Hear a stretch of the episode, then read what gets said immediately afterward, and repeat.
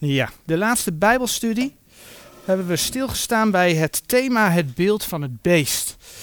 En aan de ene kant uh, hebben we toen gezien hè, dat de wetenschap het bestaan van God probeert te ontkennen. En aan de andere kant zien we dat ook vandaag de dag de mensen zijn eigen God probeert te maken. Uh, net als Micha, tijd van de richteren, daar hebben we toen bij stilgestaan, zijn eigen goden maakte.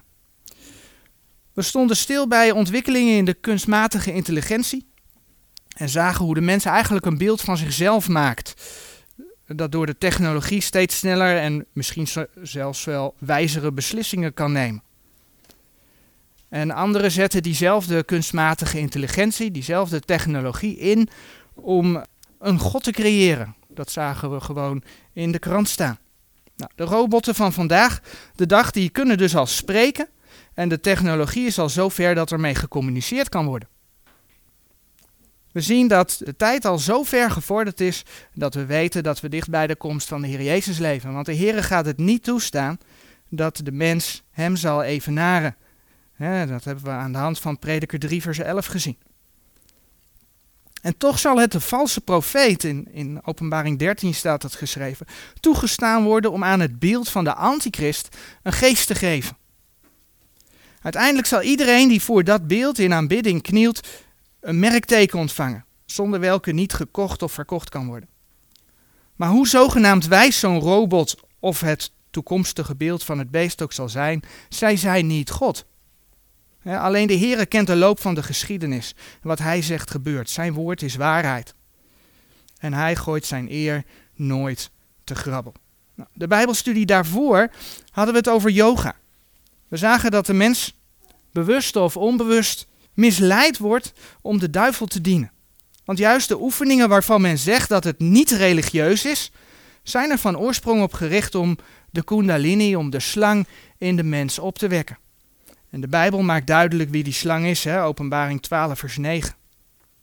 En dat die oefeningen gericht zijn op het opwekken van de slang is niet vreemd, want we hebben het geschrift van, van de Hatha Yoga erbij gepakt, waar de westerse yoga op gebaseerd is. En we zien dat dat geschrift is opgedragen aan de heer Shiva. Shiva, de hindoeïstische god, die niemand minder is, als je dat vergelijkt met wat de eigenschappen van Shiva zijn, niemand minder is dan de duivel zelf. En dat brengt ons bij de studie van vandaag. Want er zijn zoveel verschillende religies op deze aarde. En waar komen die religies vandaan? En hoe kunnen we weten dat wij de ware God dienen? Wat we vandaag de dag nog wel eens, uh, mensen nog wel eens horen zeggen. Dienen we niet allemaal in essentie dezelfde God? En daar willen we vandaag bij stilstaan. En ik denk dat wij allemaal wel weten wie de ware God is, maar het is wel heel goed om, om daarbij stil te staan, ook vanuit Gods woord, ook om, nou ja, goed, in dagelijks contact met andere mensen uh, een weerwoord te kunnen hebben. Allereerst dat punt van het dienen van dezelfde God. We kunnen niet alle religies langslopen. Maar ik wil een aantal voorbeelden laten zien. De Bijbel die zegt dat Jezus Christus de Zoon van God is. Zo staat er in Romeinen 3, vers 1 tot en met 4 van zijn zoon, die geworden is uit het zaad van David naar het vlees, die krachtig bewezen is te zijn, de zoon van God, naar de geest der heiligmaking, uit de opstanding der doden, namelijk Jezus Christus, onze Heer. Nou, ik heb uh, in de Koran gezocht, ik heb hem ook meegenomen, en in de Koran daar staat uh, in Surah 4 vers 172 O, en dan citeer ik dus. O mensen van het boek, overdrijft in uw godsdienst niet en zegt van Allah niets dan de waarheid. Voorwaar, de Messias, Jezus, zoon van Maria, was slechts een boodschapper van Allah en zijn woord tot Maria gegeven als barmhartigheid van hem. Geloof dus in Allah en zijn boodschappers en zegt niet drie in één. Houd op, dat is beter voor u. Voorwaar, Allah is de enige God. Het is verre van zijn heiligheid dat hij een zoon zou hebben. Aan hem behoort wat in de hemelen en op de aarde is. En Allah is als bewaarder afdoende. Tot zover het citaat uit de Koran. Mensen kunnen dus nog zo hard roepen dat de God van de Bijbel en de God van de Koran dezelfde zijn, hè, want dat horen we vandaag de dag nogal eens. Maar ze hebben gewoonweg geen gelijk. De God van de Bijbel heeft een zoon Jezus Christus. De God van de Koran niet. En sterker nog, de Bijbel zegt dat degene die logent dat Jezus Christus de Zoon van God is, de antichrist, de duivel is. In 1 Johannes 2, vers 22 lezen we, wie is de leugenaar dan die logent dat Jezus is de Christus? Deze is de antichrist die de Vader en de Zoon logent. Nu laat de Bijbel zien dat er in de eindtijd, hè, als, als, als wij opgenomen zijn, dat er, een, dat er een antichrist komt. De antichrist die een vleeswording zeg maar, van de duivel is. Maar de, duivel, uh, de, de, Bijbel sorry, spreekt ook over de geest van de antichrist. In 1 Johannes 4 vers 3. Waardoor er nu al vele antichristen zijn. Als je dan ziet wat de, uh, uh, de Koran beweert, wat de, wat de islam beweert, dan mag het duidelijk zijn uit wat voor een hoek dat komt. Zo staat er in de Bijbel dat God niet kan liegen. De Heer is de waarheid zelf. In Titus 1, vers 2, daar staat bijvoorbeeld in de hoop van het eeuwige leven dat God, die niet liegen kan, beloofd heeft voor de tijden der eeuwen, maar geopenbaard heeft te zijner tijd. In het Hindoeïsme lezen we over Krishna, Krishna die binnen het Hindoeïsme God zelf genoemd wordt. Het volgende verhaal, en ik citeer een stukje. Op een dag waren Krishna en zijn broer Balarma op de binnenplaats aan het spelen toen Krishna met zijn hand een schep aarde nam en die opat. Balarma zag dat, rende naar zijn moeder Yashoda en zei: Moeder, Krishna eet modder. Straks stikt hij erin. Niet verbaasd over de zoveelste schelmenstreek van haar zoon, greep Yashoda Krishna vast. Heb je modder gegeten? vroeg ze. Hoewel Krishna's gezicht vol modder zat, antwoordde hij: Nee hoor, moeder, Balarma liegt. Ik heb geen modder aangeraakt. Natuurlijk geloofde Yashoda hem niet en ze maakte Krishna's mond open. Maar toen Yashoda in zijn mond keek, zag ze geen modder, maar het hele universum en alle sterrenstelsels. Even tot zover het citaat uit dit verhaal. Even los van alle mythische dingen die dan al, die dan naar, naar voren komen door dit stukje, zien we dat waar de God van de Bijbel niet liegen kan, dan zien we dat Krishna liegt. En als je dan op internet gaat zoeken, dan kom je meer van dit soort verhalen tegen over Krishna's bedriegelijkheid, opstandigheid en wellustigheid. De God van de Bijbel is niet dezelfde als opnieuw een God uit het Hindoeïsme. Zo weten we dat de Heer Jezus als zoon van God op aarde is gekomen en dat hij zonder zonde was. Als voorbeeld Hebreeën 4 vers 15. Want wij hebben geen hoge priester die niet kan medelijden hebben met onze zwakheden, maar die in alle dingen zoals wij is verzocht geweest, toch zonder zonde. De Heer Jezus heeft ook op aarde dus niet gezondigd en dus ook niet gelogen. Want liegen is zonde. We gaan hem zo nog lezen, Efeze 4, vers 25. God kan dus niet liegen. En dan komt het, hij vraagt ook van ons, als mensen, als zijn kinderen, dat wij niet liegen. In de wet van Mozes Laten we dat opzoeken. Leviticus 19, vers 11 en 12.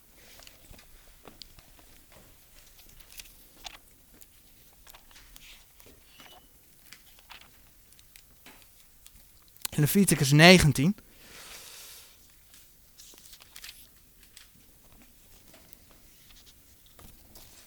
Vers 11.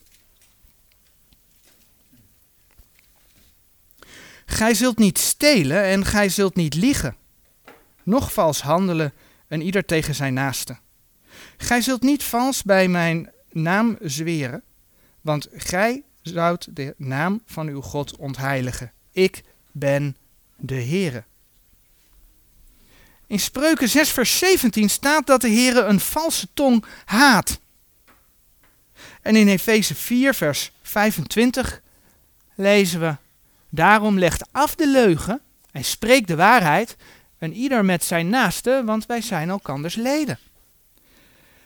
Daar waar de hindoe-goden zelf liegen, leren de volgelingen dus ook liegen.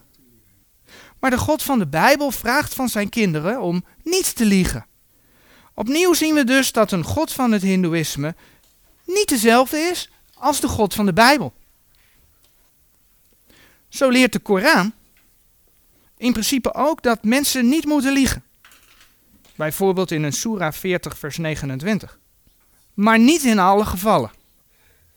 Zo zegt diezelfde Koran het volgende in Surah 16, vers 107, en dan citeer ik weer een stukje. Wie Allah verwerpt na te hebben geloofd, behalve hij die wordt gedwongen terwijl zijn hart in het geloof vrede blijft vinden, en zijn hart voor het ongeloof opent, op hem rust Allah's toorn, en er zal een grote straf voor hem zijn. Tot zover het citaat. Een moslim mag Allah in nood dus verwerpen. En zo zijn er meer versen die erop wijzen dat een moslim niet altijd eerlijk hoeft te zijn, als het hem beter uitkomt. De God van de islam, wederom, is dus niet dezelfde als de God van de Bijbel. En ook in dit geval laat de Bijbel zien wie de vader der leugen is. Johannes 8, vers 44. Gij zijt uit de vader de duivel en wilt de begeerte van uw vader doen. Die was een mensenmoorder van de beginnen. En is in de waarheid niet staande gebleven, want geen waarheid is in hem. Wanneer hij de leugen spreekt, zo spreekt hij uit wat hem eigen is, want hij is een leugenaar en de vader der leugen. En zo zagen we in de studie over yoga dat de hindoeïstische god Shiva de schepper, de onderhouder en de vernietiger genoemd wordt. Maar ook wel de duistere jager van de brandende grond. Bijbels gezien is hij dus gewoon de duivel, de vijand van God. En zo zijn er nog veel meer voorbeelden te vinden, ook van andere religies. Kortom, de God van de Bijbel is niet gelijk aan de goden van de heidevolk. En dat is ook wat we lezen van Paulus. Paulus die het evangelie in de, in de Griekse steden verkondigt onder andere. De Grieken die hadden voor elke god die ze kenden wel een beeld, een altaar of een tempel staan. Lezen we bijvoorbeeld in Handelingen 17, vers 23. Maar als, en, en dat gaan we opzoeken, Handelingen 14. Als op een gegeven moment Paulus en Barnabas daar lopen, dan willen de mensen hen aanbidden. En dan reageren Paulus en Barnabas als volgt. Handelingen 14. Handelingen 14 vanaf vers 15. En zeggende, mannen, waarom doet gij deze dingen? Wij zijn ook mensen van gelijke bewegingen als gij. En verkondigen u dat gij u van deze ijdele dingen zoudt bekeren tot de levende God, die gemaakt heeft de hemel en de aarde en de zee en al wat daarin is. Die in de verleden tijden al de heidenen heeft laten wandelen in hun wegen, hoewel hij nochtans zichzelf niet onbetuigd gelaten heeft, goeddoende van de hemel, ons regen en vruchtbare tijden gevende, vervullende onze harten met spijs en vrolijkheid. Paulus geeft dus niet aan dat zij met hun goden, hè, die de basis van de Griekse cultuur vormen, al iets van God begrijpen. Nee, ze moeten zich bekeren tot de levende God, de schepper van hemel en aarde. God heeft zichzelf aan de heidenen, hè, voordat de Heer Jezus uh, kwam, niet door de Griekse cultuur geopenbaard, maar door de natuur. Exact zoals bijvoorbeeld Romeinen 1 vers 20 zegt. En in Psalm 96 vers 5 daar staat, want al de goden der volken zijn afgoden, maar de Heere heeft de hemelen gemaakt. Het zijn vaak beelden die vereerd worden. En als we dan 1 Korinthe opzoeken, 1 Korinthe 8,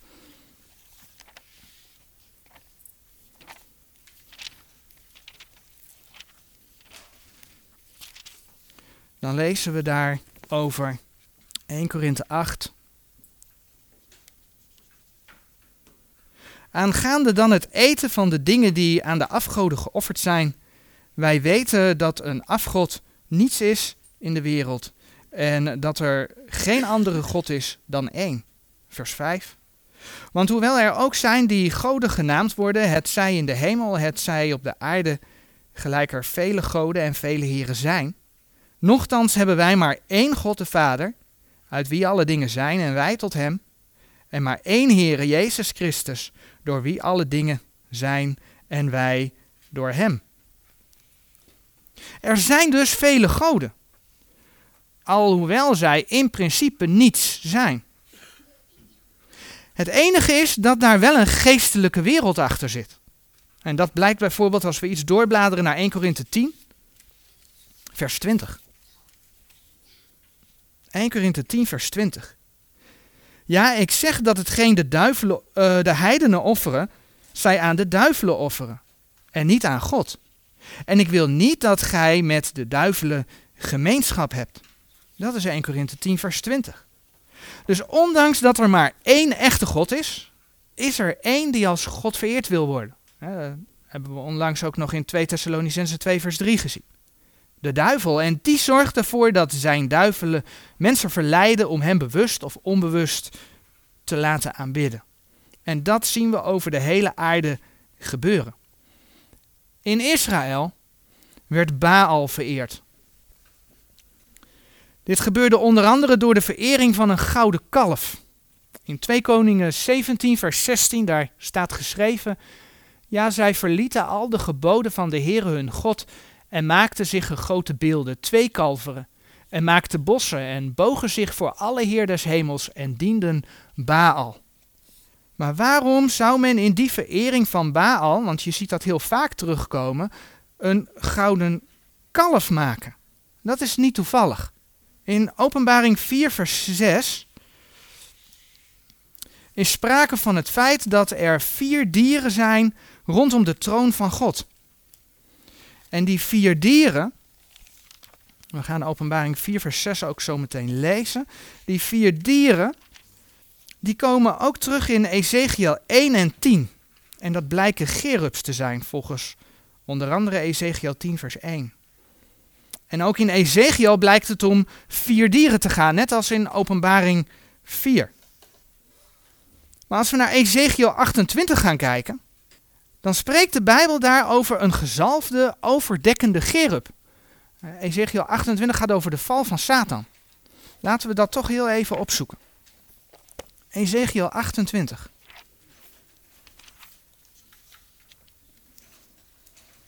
Ezekiel 28 en dan lezen we even vers 13 en 14. Gij waart in Ede Godshof, alle kostbaar gesteente was uw deksel, sardisstenen, topazen en diamanten, turkooizen, sardonicstenen en jasperstenen, saffieren, robijnen en smaragden en goud. Het werk van uw trommelen en van uw pijpen was bij u. Ten dagen als gij geschapen werd, waren zij bereid. Gij waart een gezalfde, overdekkende gerub. En ik had u al zo gezet. Gij waart op Gods heilige berg, gij wandeldet in het midden der vurige stenen. En als je dan verder leest, dan lees je over de val van Satan, die in de hof van Ede was. Aangezien rond de troon van God vier gerubs zijn, wat we zo gaan lezen, en in Ezekiel ook sprake is van vier gerubs, en hier gesproken wordt over een gevallen gerub, betekent dus dat er ooit een vijfde troonbedekkende, want dit was de overdekkende gerub, troonbedekkende gerub geweest is. En die gerub is er nog wel, maar hij is niet meer troonbedekkend. Nou, in die teksten over die gerubs komt iets voor en daar wil ik graag wat over laten zien. En dan gaan we eerst lezen Openbaring 4, vers 6 tot en met 7.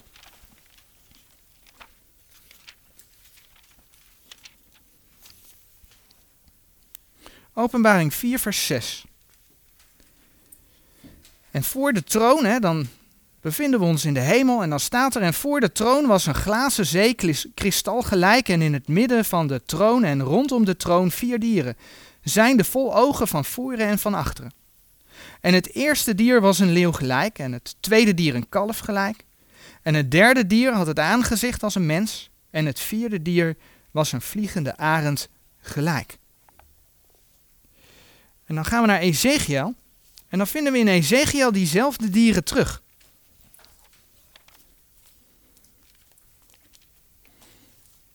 In Ezekiel 1 en in Ezekiel 10 lezen we over de verschijningen van Gerubs.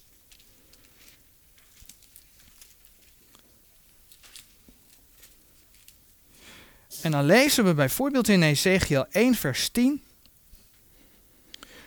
over die Gerubs. De gelijkenis nu van hun aangezicht was het aangezicht van een mens en het aangezicht van een leeuw hadden die vier aan de rechterzijde. En ter linkerzijde hadden die vier het aangezicht van een os. Ook hadden die vier het aangezicht van een arend. Maar wanneer we dan naar Ezekiel 10, vers 14 bladeren.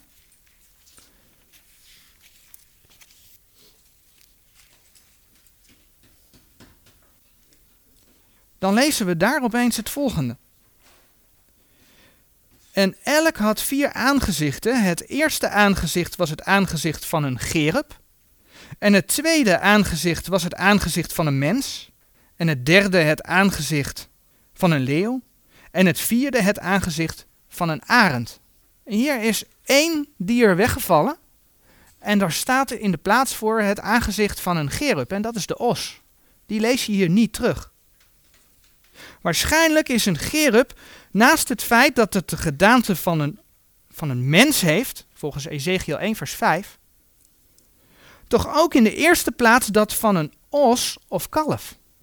Zie hier de verklaring dat Israël de Baal diende door gouden kalveren te maken. Zie hier de verklaring dat Israël na de uittocht uit Egypte een gouden kalf maakte.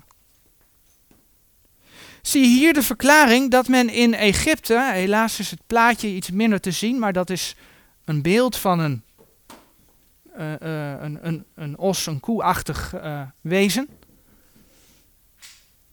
Daar vereerde men een godin als koe. Of een koe als godin, ja, nou ja, goed. Vandaar dat we in India de heilige koe tegenkomen. Door de afgoden heen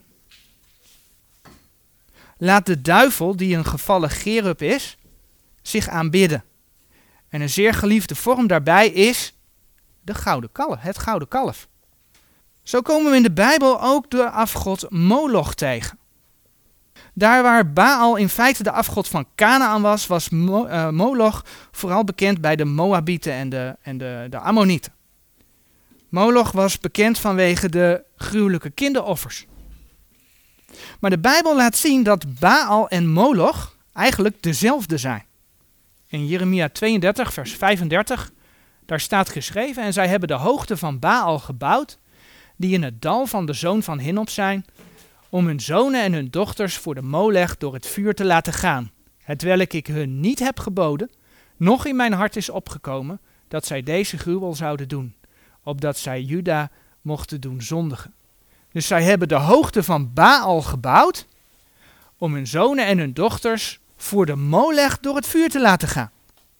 Baal en Molech zijn in feite dezelfde goden, afgoden. En ook Moloch, je ziet het hier misschien een beetje in het plaatje. Ja, ook Moloch was een, een figuur met een ossenkop. Nou werd Baal werd niet alleen geassocieerd met de verering van een gouden kalf, maar ook met de verering van de hemellichaam, de zon, de maan en de sterren. Dat hebben we eerder gelezen in 2 Koningen 16 vers 17. Baal zelf was de zonnegod. De Babylonische variant daarop, Jeremia 50 vers 2, was de god Bel. En Bel werd onder andere vereerd als een draak. En zodoende ook afgebeeld op de poort van Babylon. Nou, en wie de draak is, ik denk dat dat wel duidelijk is. Hè? Openbaring 12, vers 9. En de grote draak is geworpen, namelijk de oude slang, welke genaamd wordt duivel en satanas, die de gehele wereld verleidt. Hij is, zeg ik, geworpen op de aarde. En zijn engelen zijn met hem geworpen. De grote draak, namelijk de oude slang, welke genaamd wordt duivel en satanas. En wat zien we? In China wordt vandaag de dag ook de draak vereerd. Nu had Baal ook een vrouwelijke variant. En dat was Astoret of Astarte. Vaak weergegeven door een bos of door een wassende maan. Uh, Astarte komt onder andere in 1 Koningen 11 vers 33 voor. In de Bijbel zien we dat de Israëlieten haar als de, zoals dan de Statenvertaling zegt, de Melesia des hemels, de King James zegt de koningin des hemels, dienen. Onder andere kun je dat vinden in Jeremia 44, vers 17 tot en met 19. In Egypte is zij bekend als Isis, bij de Romeinen als Venus, bij de Grieken, en zo gaat het overal door, als, als ik het me goed herinner, want dat heb ik niet opgeschreven, als Afrodite. En daarvan afgeleid zien we dat de Egyptenaren een moeder-kindverering kennen. Van Isis en Horus. In India kent men de moeder-kindverering met Indrani met kind, maar ook met Devaki met Krishna. In China kennen ze Xingmo met kind. En ook bij de Maya's kennen ze hetzelfde verschijnsel, de moeder-kindverering. Over de hele wereld komt het voor. En dat is nu juist wat we dus ook bij de Rooms-Katholieke Kerk tegenkomen. De kerk die Maria de hemelkoningin noemt en die haar vereert samen met het kind. De Bijbel laat zien dat alleen God de eer toekomt. Mensen, en zeker dode mensen, en Maria bijvoorbeeld, moeten we niet vereren, moeten we niet aanbidden. In Openbaring 22, vers 8, uh, daar zien we dat Johannes in aanbidding voor een engel neervalt en dan krijgt hij te horen wat er in vers 9 staat. Zie dat gij het niet doet, want ik ben uw mededienstknecht en van uw broederen, de profeten en van hen die de woorden van dit boek bewaren, aanbid God. Maria wordt ook wel de middelares genoemd. Maar de Bijbel zegt dat er maar één middelaar is. 1 Timotheus 2, vers 5. Daar wordt gezegd dat er maar één God is en één middelaar. 1 Timotheus 2, vers 5. Want er is één God, er is ook één middelaar Gods en der mensen, de mens Christus Jezus.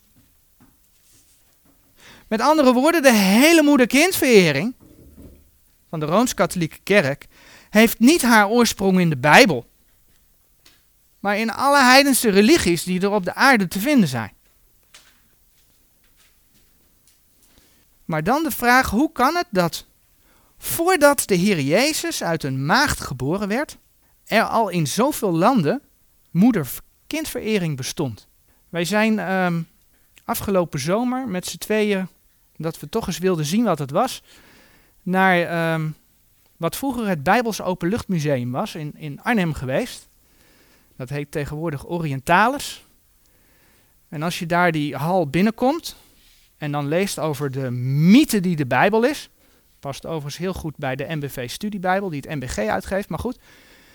Maar dan ook leest hoe ze eigenlijk zeggen dat wij dus, dat, dat, dat eh, de Bijbel eigenlijk voortgekomen is uit allerlei Egyptische uh, dingen, ja, dan zou dus de Bijbel een voortvloeisel zijn uit de heidense afgodsreligies.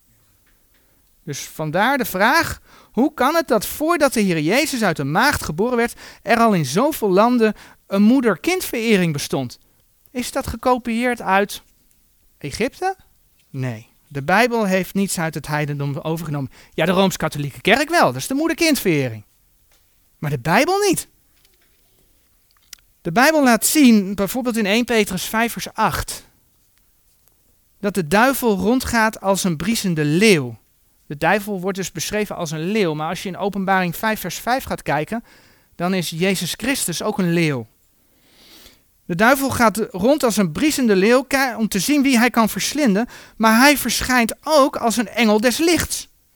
2 Korinthe 11 vers 13 tot 15. Om te verleiden. De Heer Jezus is de Messias, hij is de gezalfde des Heren. Maar we hebben in Ezekiel gelezen dat de Satan een gezalfde, overdekkende gerub was. De Satan was een Messias, een gezalfde. Hij wordt de valse Messias, de antichrist. De vijand van God probeert in veel aspecten op de Heer te lijken, die engel des lichts, om mensen te verleiden. En dat is de reden dat we in Gods woord lezen dat het evangelie der genade Gods in Efeze 3, vers 1 tot en met 3 een geheimenis, een verborgenheid was. Waarom was het een verborgenheid? Dat staat in 1 Korinthe 2, vers 7 tot en met 8.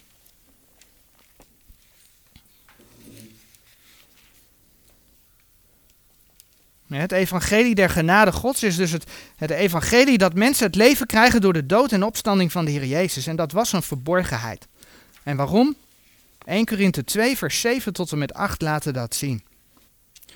Maar wij spreken de wijsheid Gods bestaande in verborgenheid, die bedekt was, welke God tevoren verordineerd heeft tot heerlijkheid van ons, eer de wereld was. welke niemand van de overste deze wereld gekend heeft. Want indien zij ze gekend hadden, zo zouden zij de Heere der heerlijkheid niet gekruisigd hebben. God hield het verborgen, omdat anders Jezus Christus niet gestorven was en zijn reddingswerk niet ten uitvoer gebracht kon worden. Daarom hield God dat verborgen. In geen enkele religie, lees of hoor je dan ook dat een God naar de aarde is gekomen om zijn leven voor de mensen te geven. Alle religies worden gekenmerkt, hè, inclusief de zogenaamd christelijke varianten. Denk aan de Rooms-Katholieke Kerk, denk aan de Mormonen, denk aan de Jehovah's getuigen en zo zijn er nog wel meer op te noemen. Uh, door de stelling dat mensen goede werken moeten doen en dan maar het beste moeten hopen, want dat is het vaak. Zekerheid is er meestal niet bij. En dat is dus het verschil met de God van de Bijbel. Hij kwam in zijn zoon naar de aarde om zijn leven te geven, zodat wij mensen gered konden worden. 2 Timotheus 1, vers 9 en 10 zeggen, die ons heeft zalig gemaakt en geroepen met een heilige roeping. Niet naar onze werken, maar naar zijn eigen voornemen en genade, die ons gegeven is in Christus Jezus, voor de tijden der eeuwen. Doch nu geopenbaard is door de verschijning van onze zaligmaker, Jezus Christus, die de dood heeft er niet gedaan en het leven en de onverderfelijkheid aan het licht gebracht door het evangelie. Maar waarom was dan al in zoveel religies een blauwdruk van een zogenaamde geboren ja, verlosser of God? Dat is niet vreemd, want reeds in Genesis 3, vers 15. Aan het begin van de, ja, niet het begin van de schepping, maar hè, aan het begin van de geschiedenis, zei God dat er uit een maagd een kind geboren zou worden. Want Genesis 3, vers 15 is de eerste profetie van de maagdelijke geboorte van de Heer Jezus. In Genesis 3, vers 15 staat: En ik zal vijandschap zetten tussen u en tussen deze vrouw, en tussen uw zaad en tussen haar zaad. Dat zal u de kop vermorselen, en gij zult het, de, de versenen vermorselen. De eerste belofte van een Messias. Dat had, daar had de Heer geen verborgenheid van gemaakt. En dat is door de duivel vele malen in de wereld gekopieerd. Om zoveel mogelijk valse messiassen te hebben. Zodat zoveel mogelijk mensen hem zouden aanbidden en de Here zouden vergeten. En daarmee neemt hij zoveel mogelijk mensen mee in zijn val. En we hebben het al gelezen in Johannes 8, vers 44. Hij is de mensenmoorder van den beginnen. Nou, hoe komt het dat dit zo verbreid is geworden in de wereld? we hebben die kaart gezien. Het gaat gewoon de hele wereld over. Dat is ook niet vreemd. We gaan naar Genesis toe. Want na de zondvloed stammen alle mensen af van Noach en zijn drie zonen, Sem, Gam en Javet. En in Genesis 9, vers 19 lezen we daarover. Deze drie waren de zonen van Noach en van deze is de ganse aarde overspreid. Noach en zijn gezin kenden en dienden God. daarom had de Heer hen gered van de zondvloed. Lezen we in Genesis 6, vers 8 en 9. Maar Noach kreeg een opdracht mee in Genesis 9, vers 1. Om te vermenigvuldigen en zich over de aarde te verspreiden.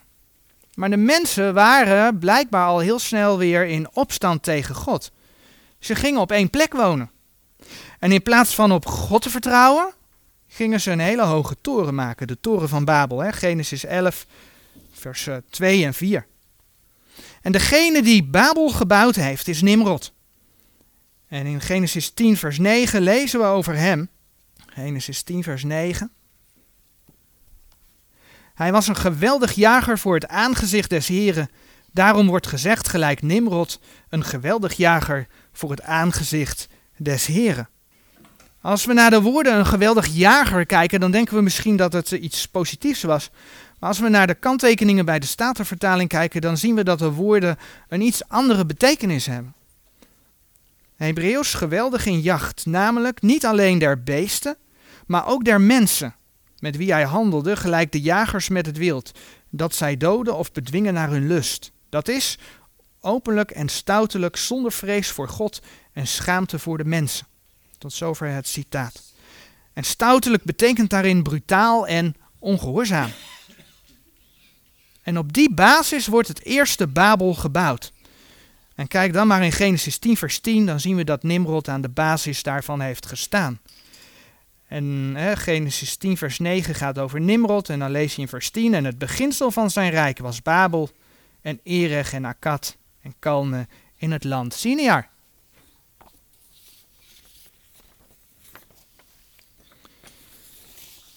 Van hieruit zorgde de Heer dat de volken over de aarde verspreid werden. Genesis 11, vers 8 en 9. Maar hier in Babel ontstond de verering van de zonnegod en de maangod. Hier ontstond de verering van de moeder-kindreligie.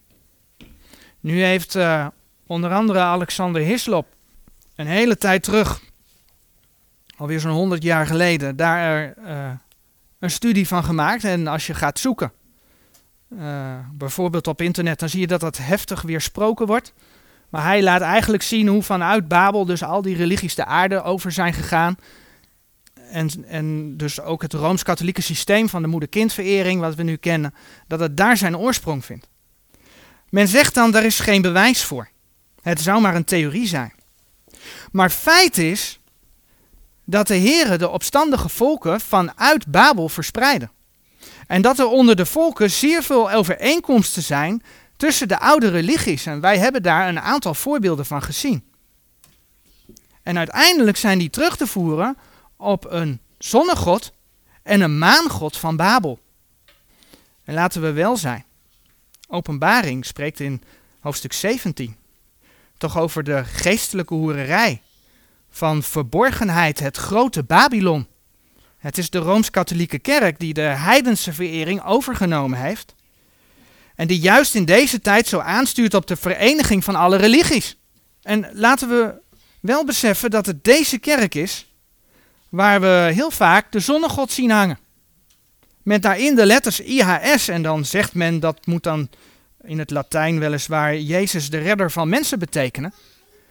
Maar als je dit voorhoudt, IAS, aan de Egyptische Isis-vereerders, dan zeggen die dat is Isis, Horus en Seb. Ofwel de moeder-kind combinatie met de vader erbij. Nou, en die letters die kom je meestal ook in, in combinatie met de zon tegen. Is dat toevallig? Een zonneafbeelding met daarin de letters IHS? Het is deze kerk die steeds vaker en verder de andere religies onder zich probeert te krijgen. Maar voornamelijk, in eerste instantie toch wel de moslims. Maar wat zien we op moskeeën prijken? Of de vlag van een islamitisch land als Turkije? Dat is de wassende maan.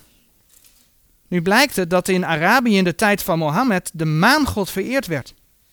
Er zijn diverse inscripties gevonden van de naam van de maangod.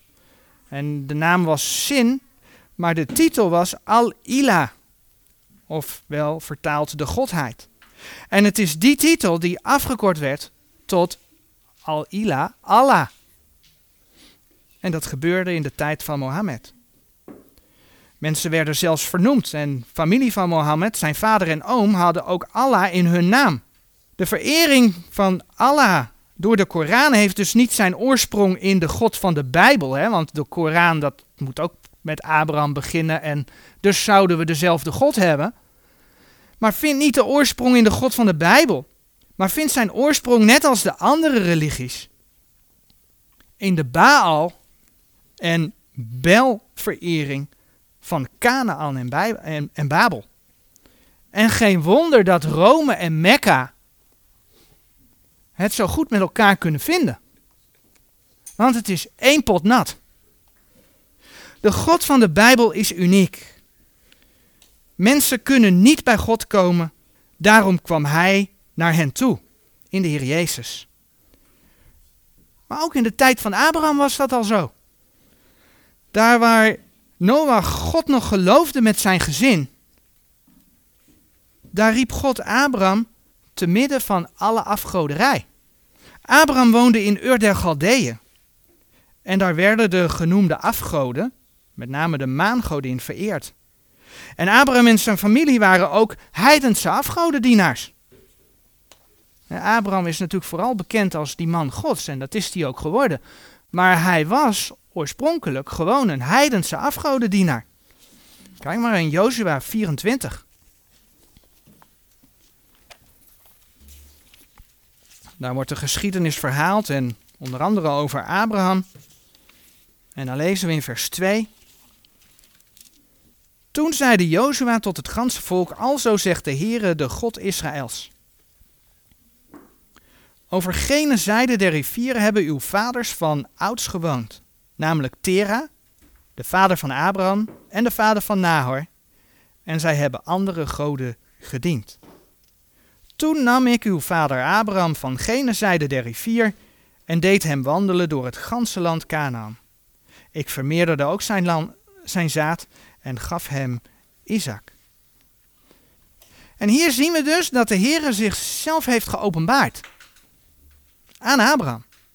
Hij haalt hem uit de volken om uit hem uiteindelijk het volk Israël te laten ontstaan. En diverse keren klinkt dan de waarschuwing dat zij zich niet moeten inlaten met de goden van de andere volken. Een voorbeeld, er zijn vele plekken aan te wijzen, maar een voorbeeld is Deuteronomium 12. Deuteronomium 12, vers 30. Waar de Heere zegt: Wacht u, wacht u dat gij niet verstrikt wordt achter hen, nadat zij voor uw aangezicht zullen verdelgd zijn. En dat gij niet vraagt naar hun goden, zeggende, zoals deze volken hun goden gediend hebben, alzo zal ik ook doen. Gij zult de Heere uw God alzo niet doen, want al wat de Heere een gruwel is, dat hij haat, hebben zij hun goden gedaan. Want zij hebben ook hun zonen en hun dochters met vuur verbrand voor hun goden. De Heere laat telkens zien dat hij een andere God is dan de goden der volken. Later in de geschiedenis zegt de Heere tegen uh, Jeremia in Jeremia 46, vers 25.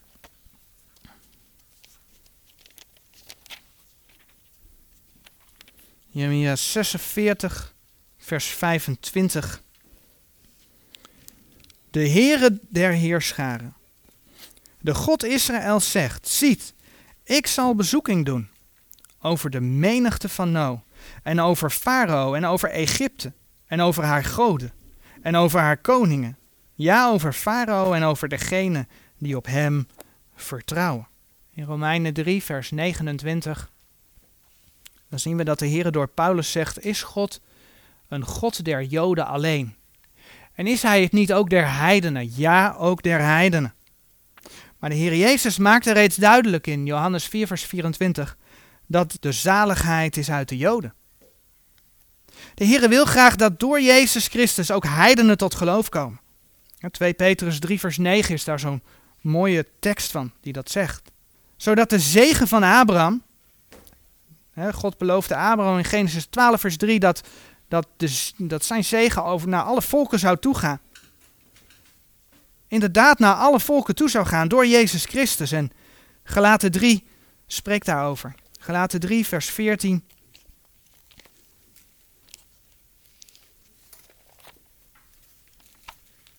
Galaten 3, vers 14.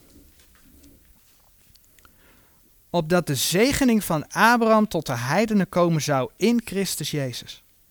En opdat wij de belofte des geestes verkrijgen zouden door het geloof.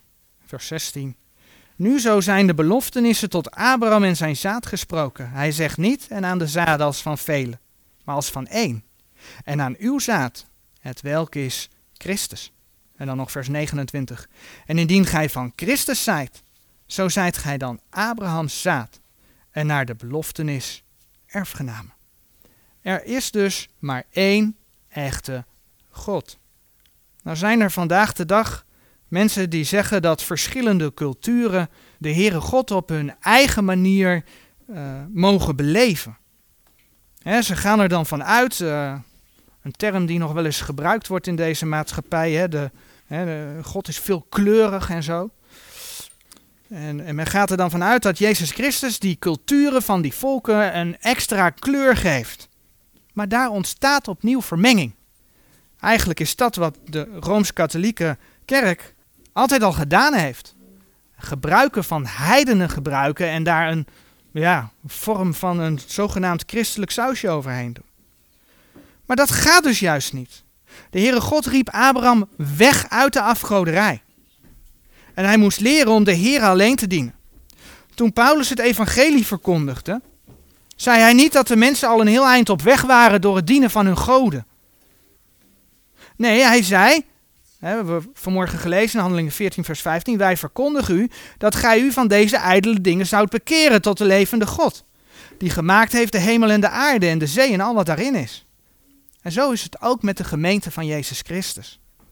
Zij wordt uit de heidenen geroepen. In Handelingen 15.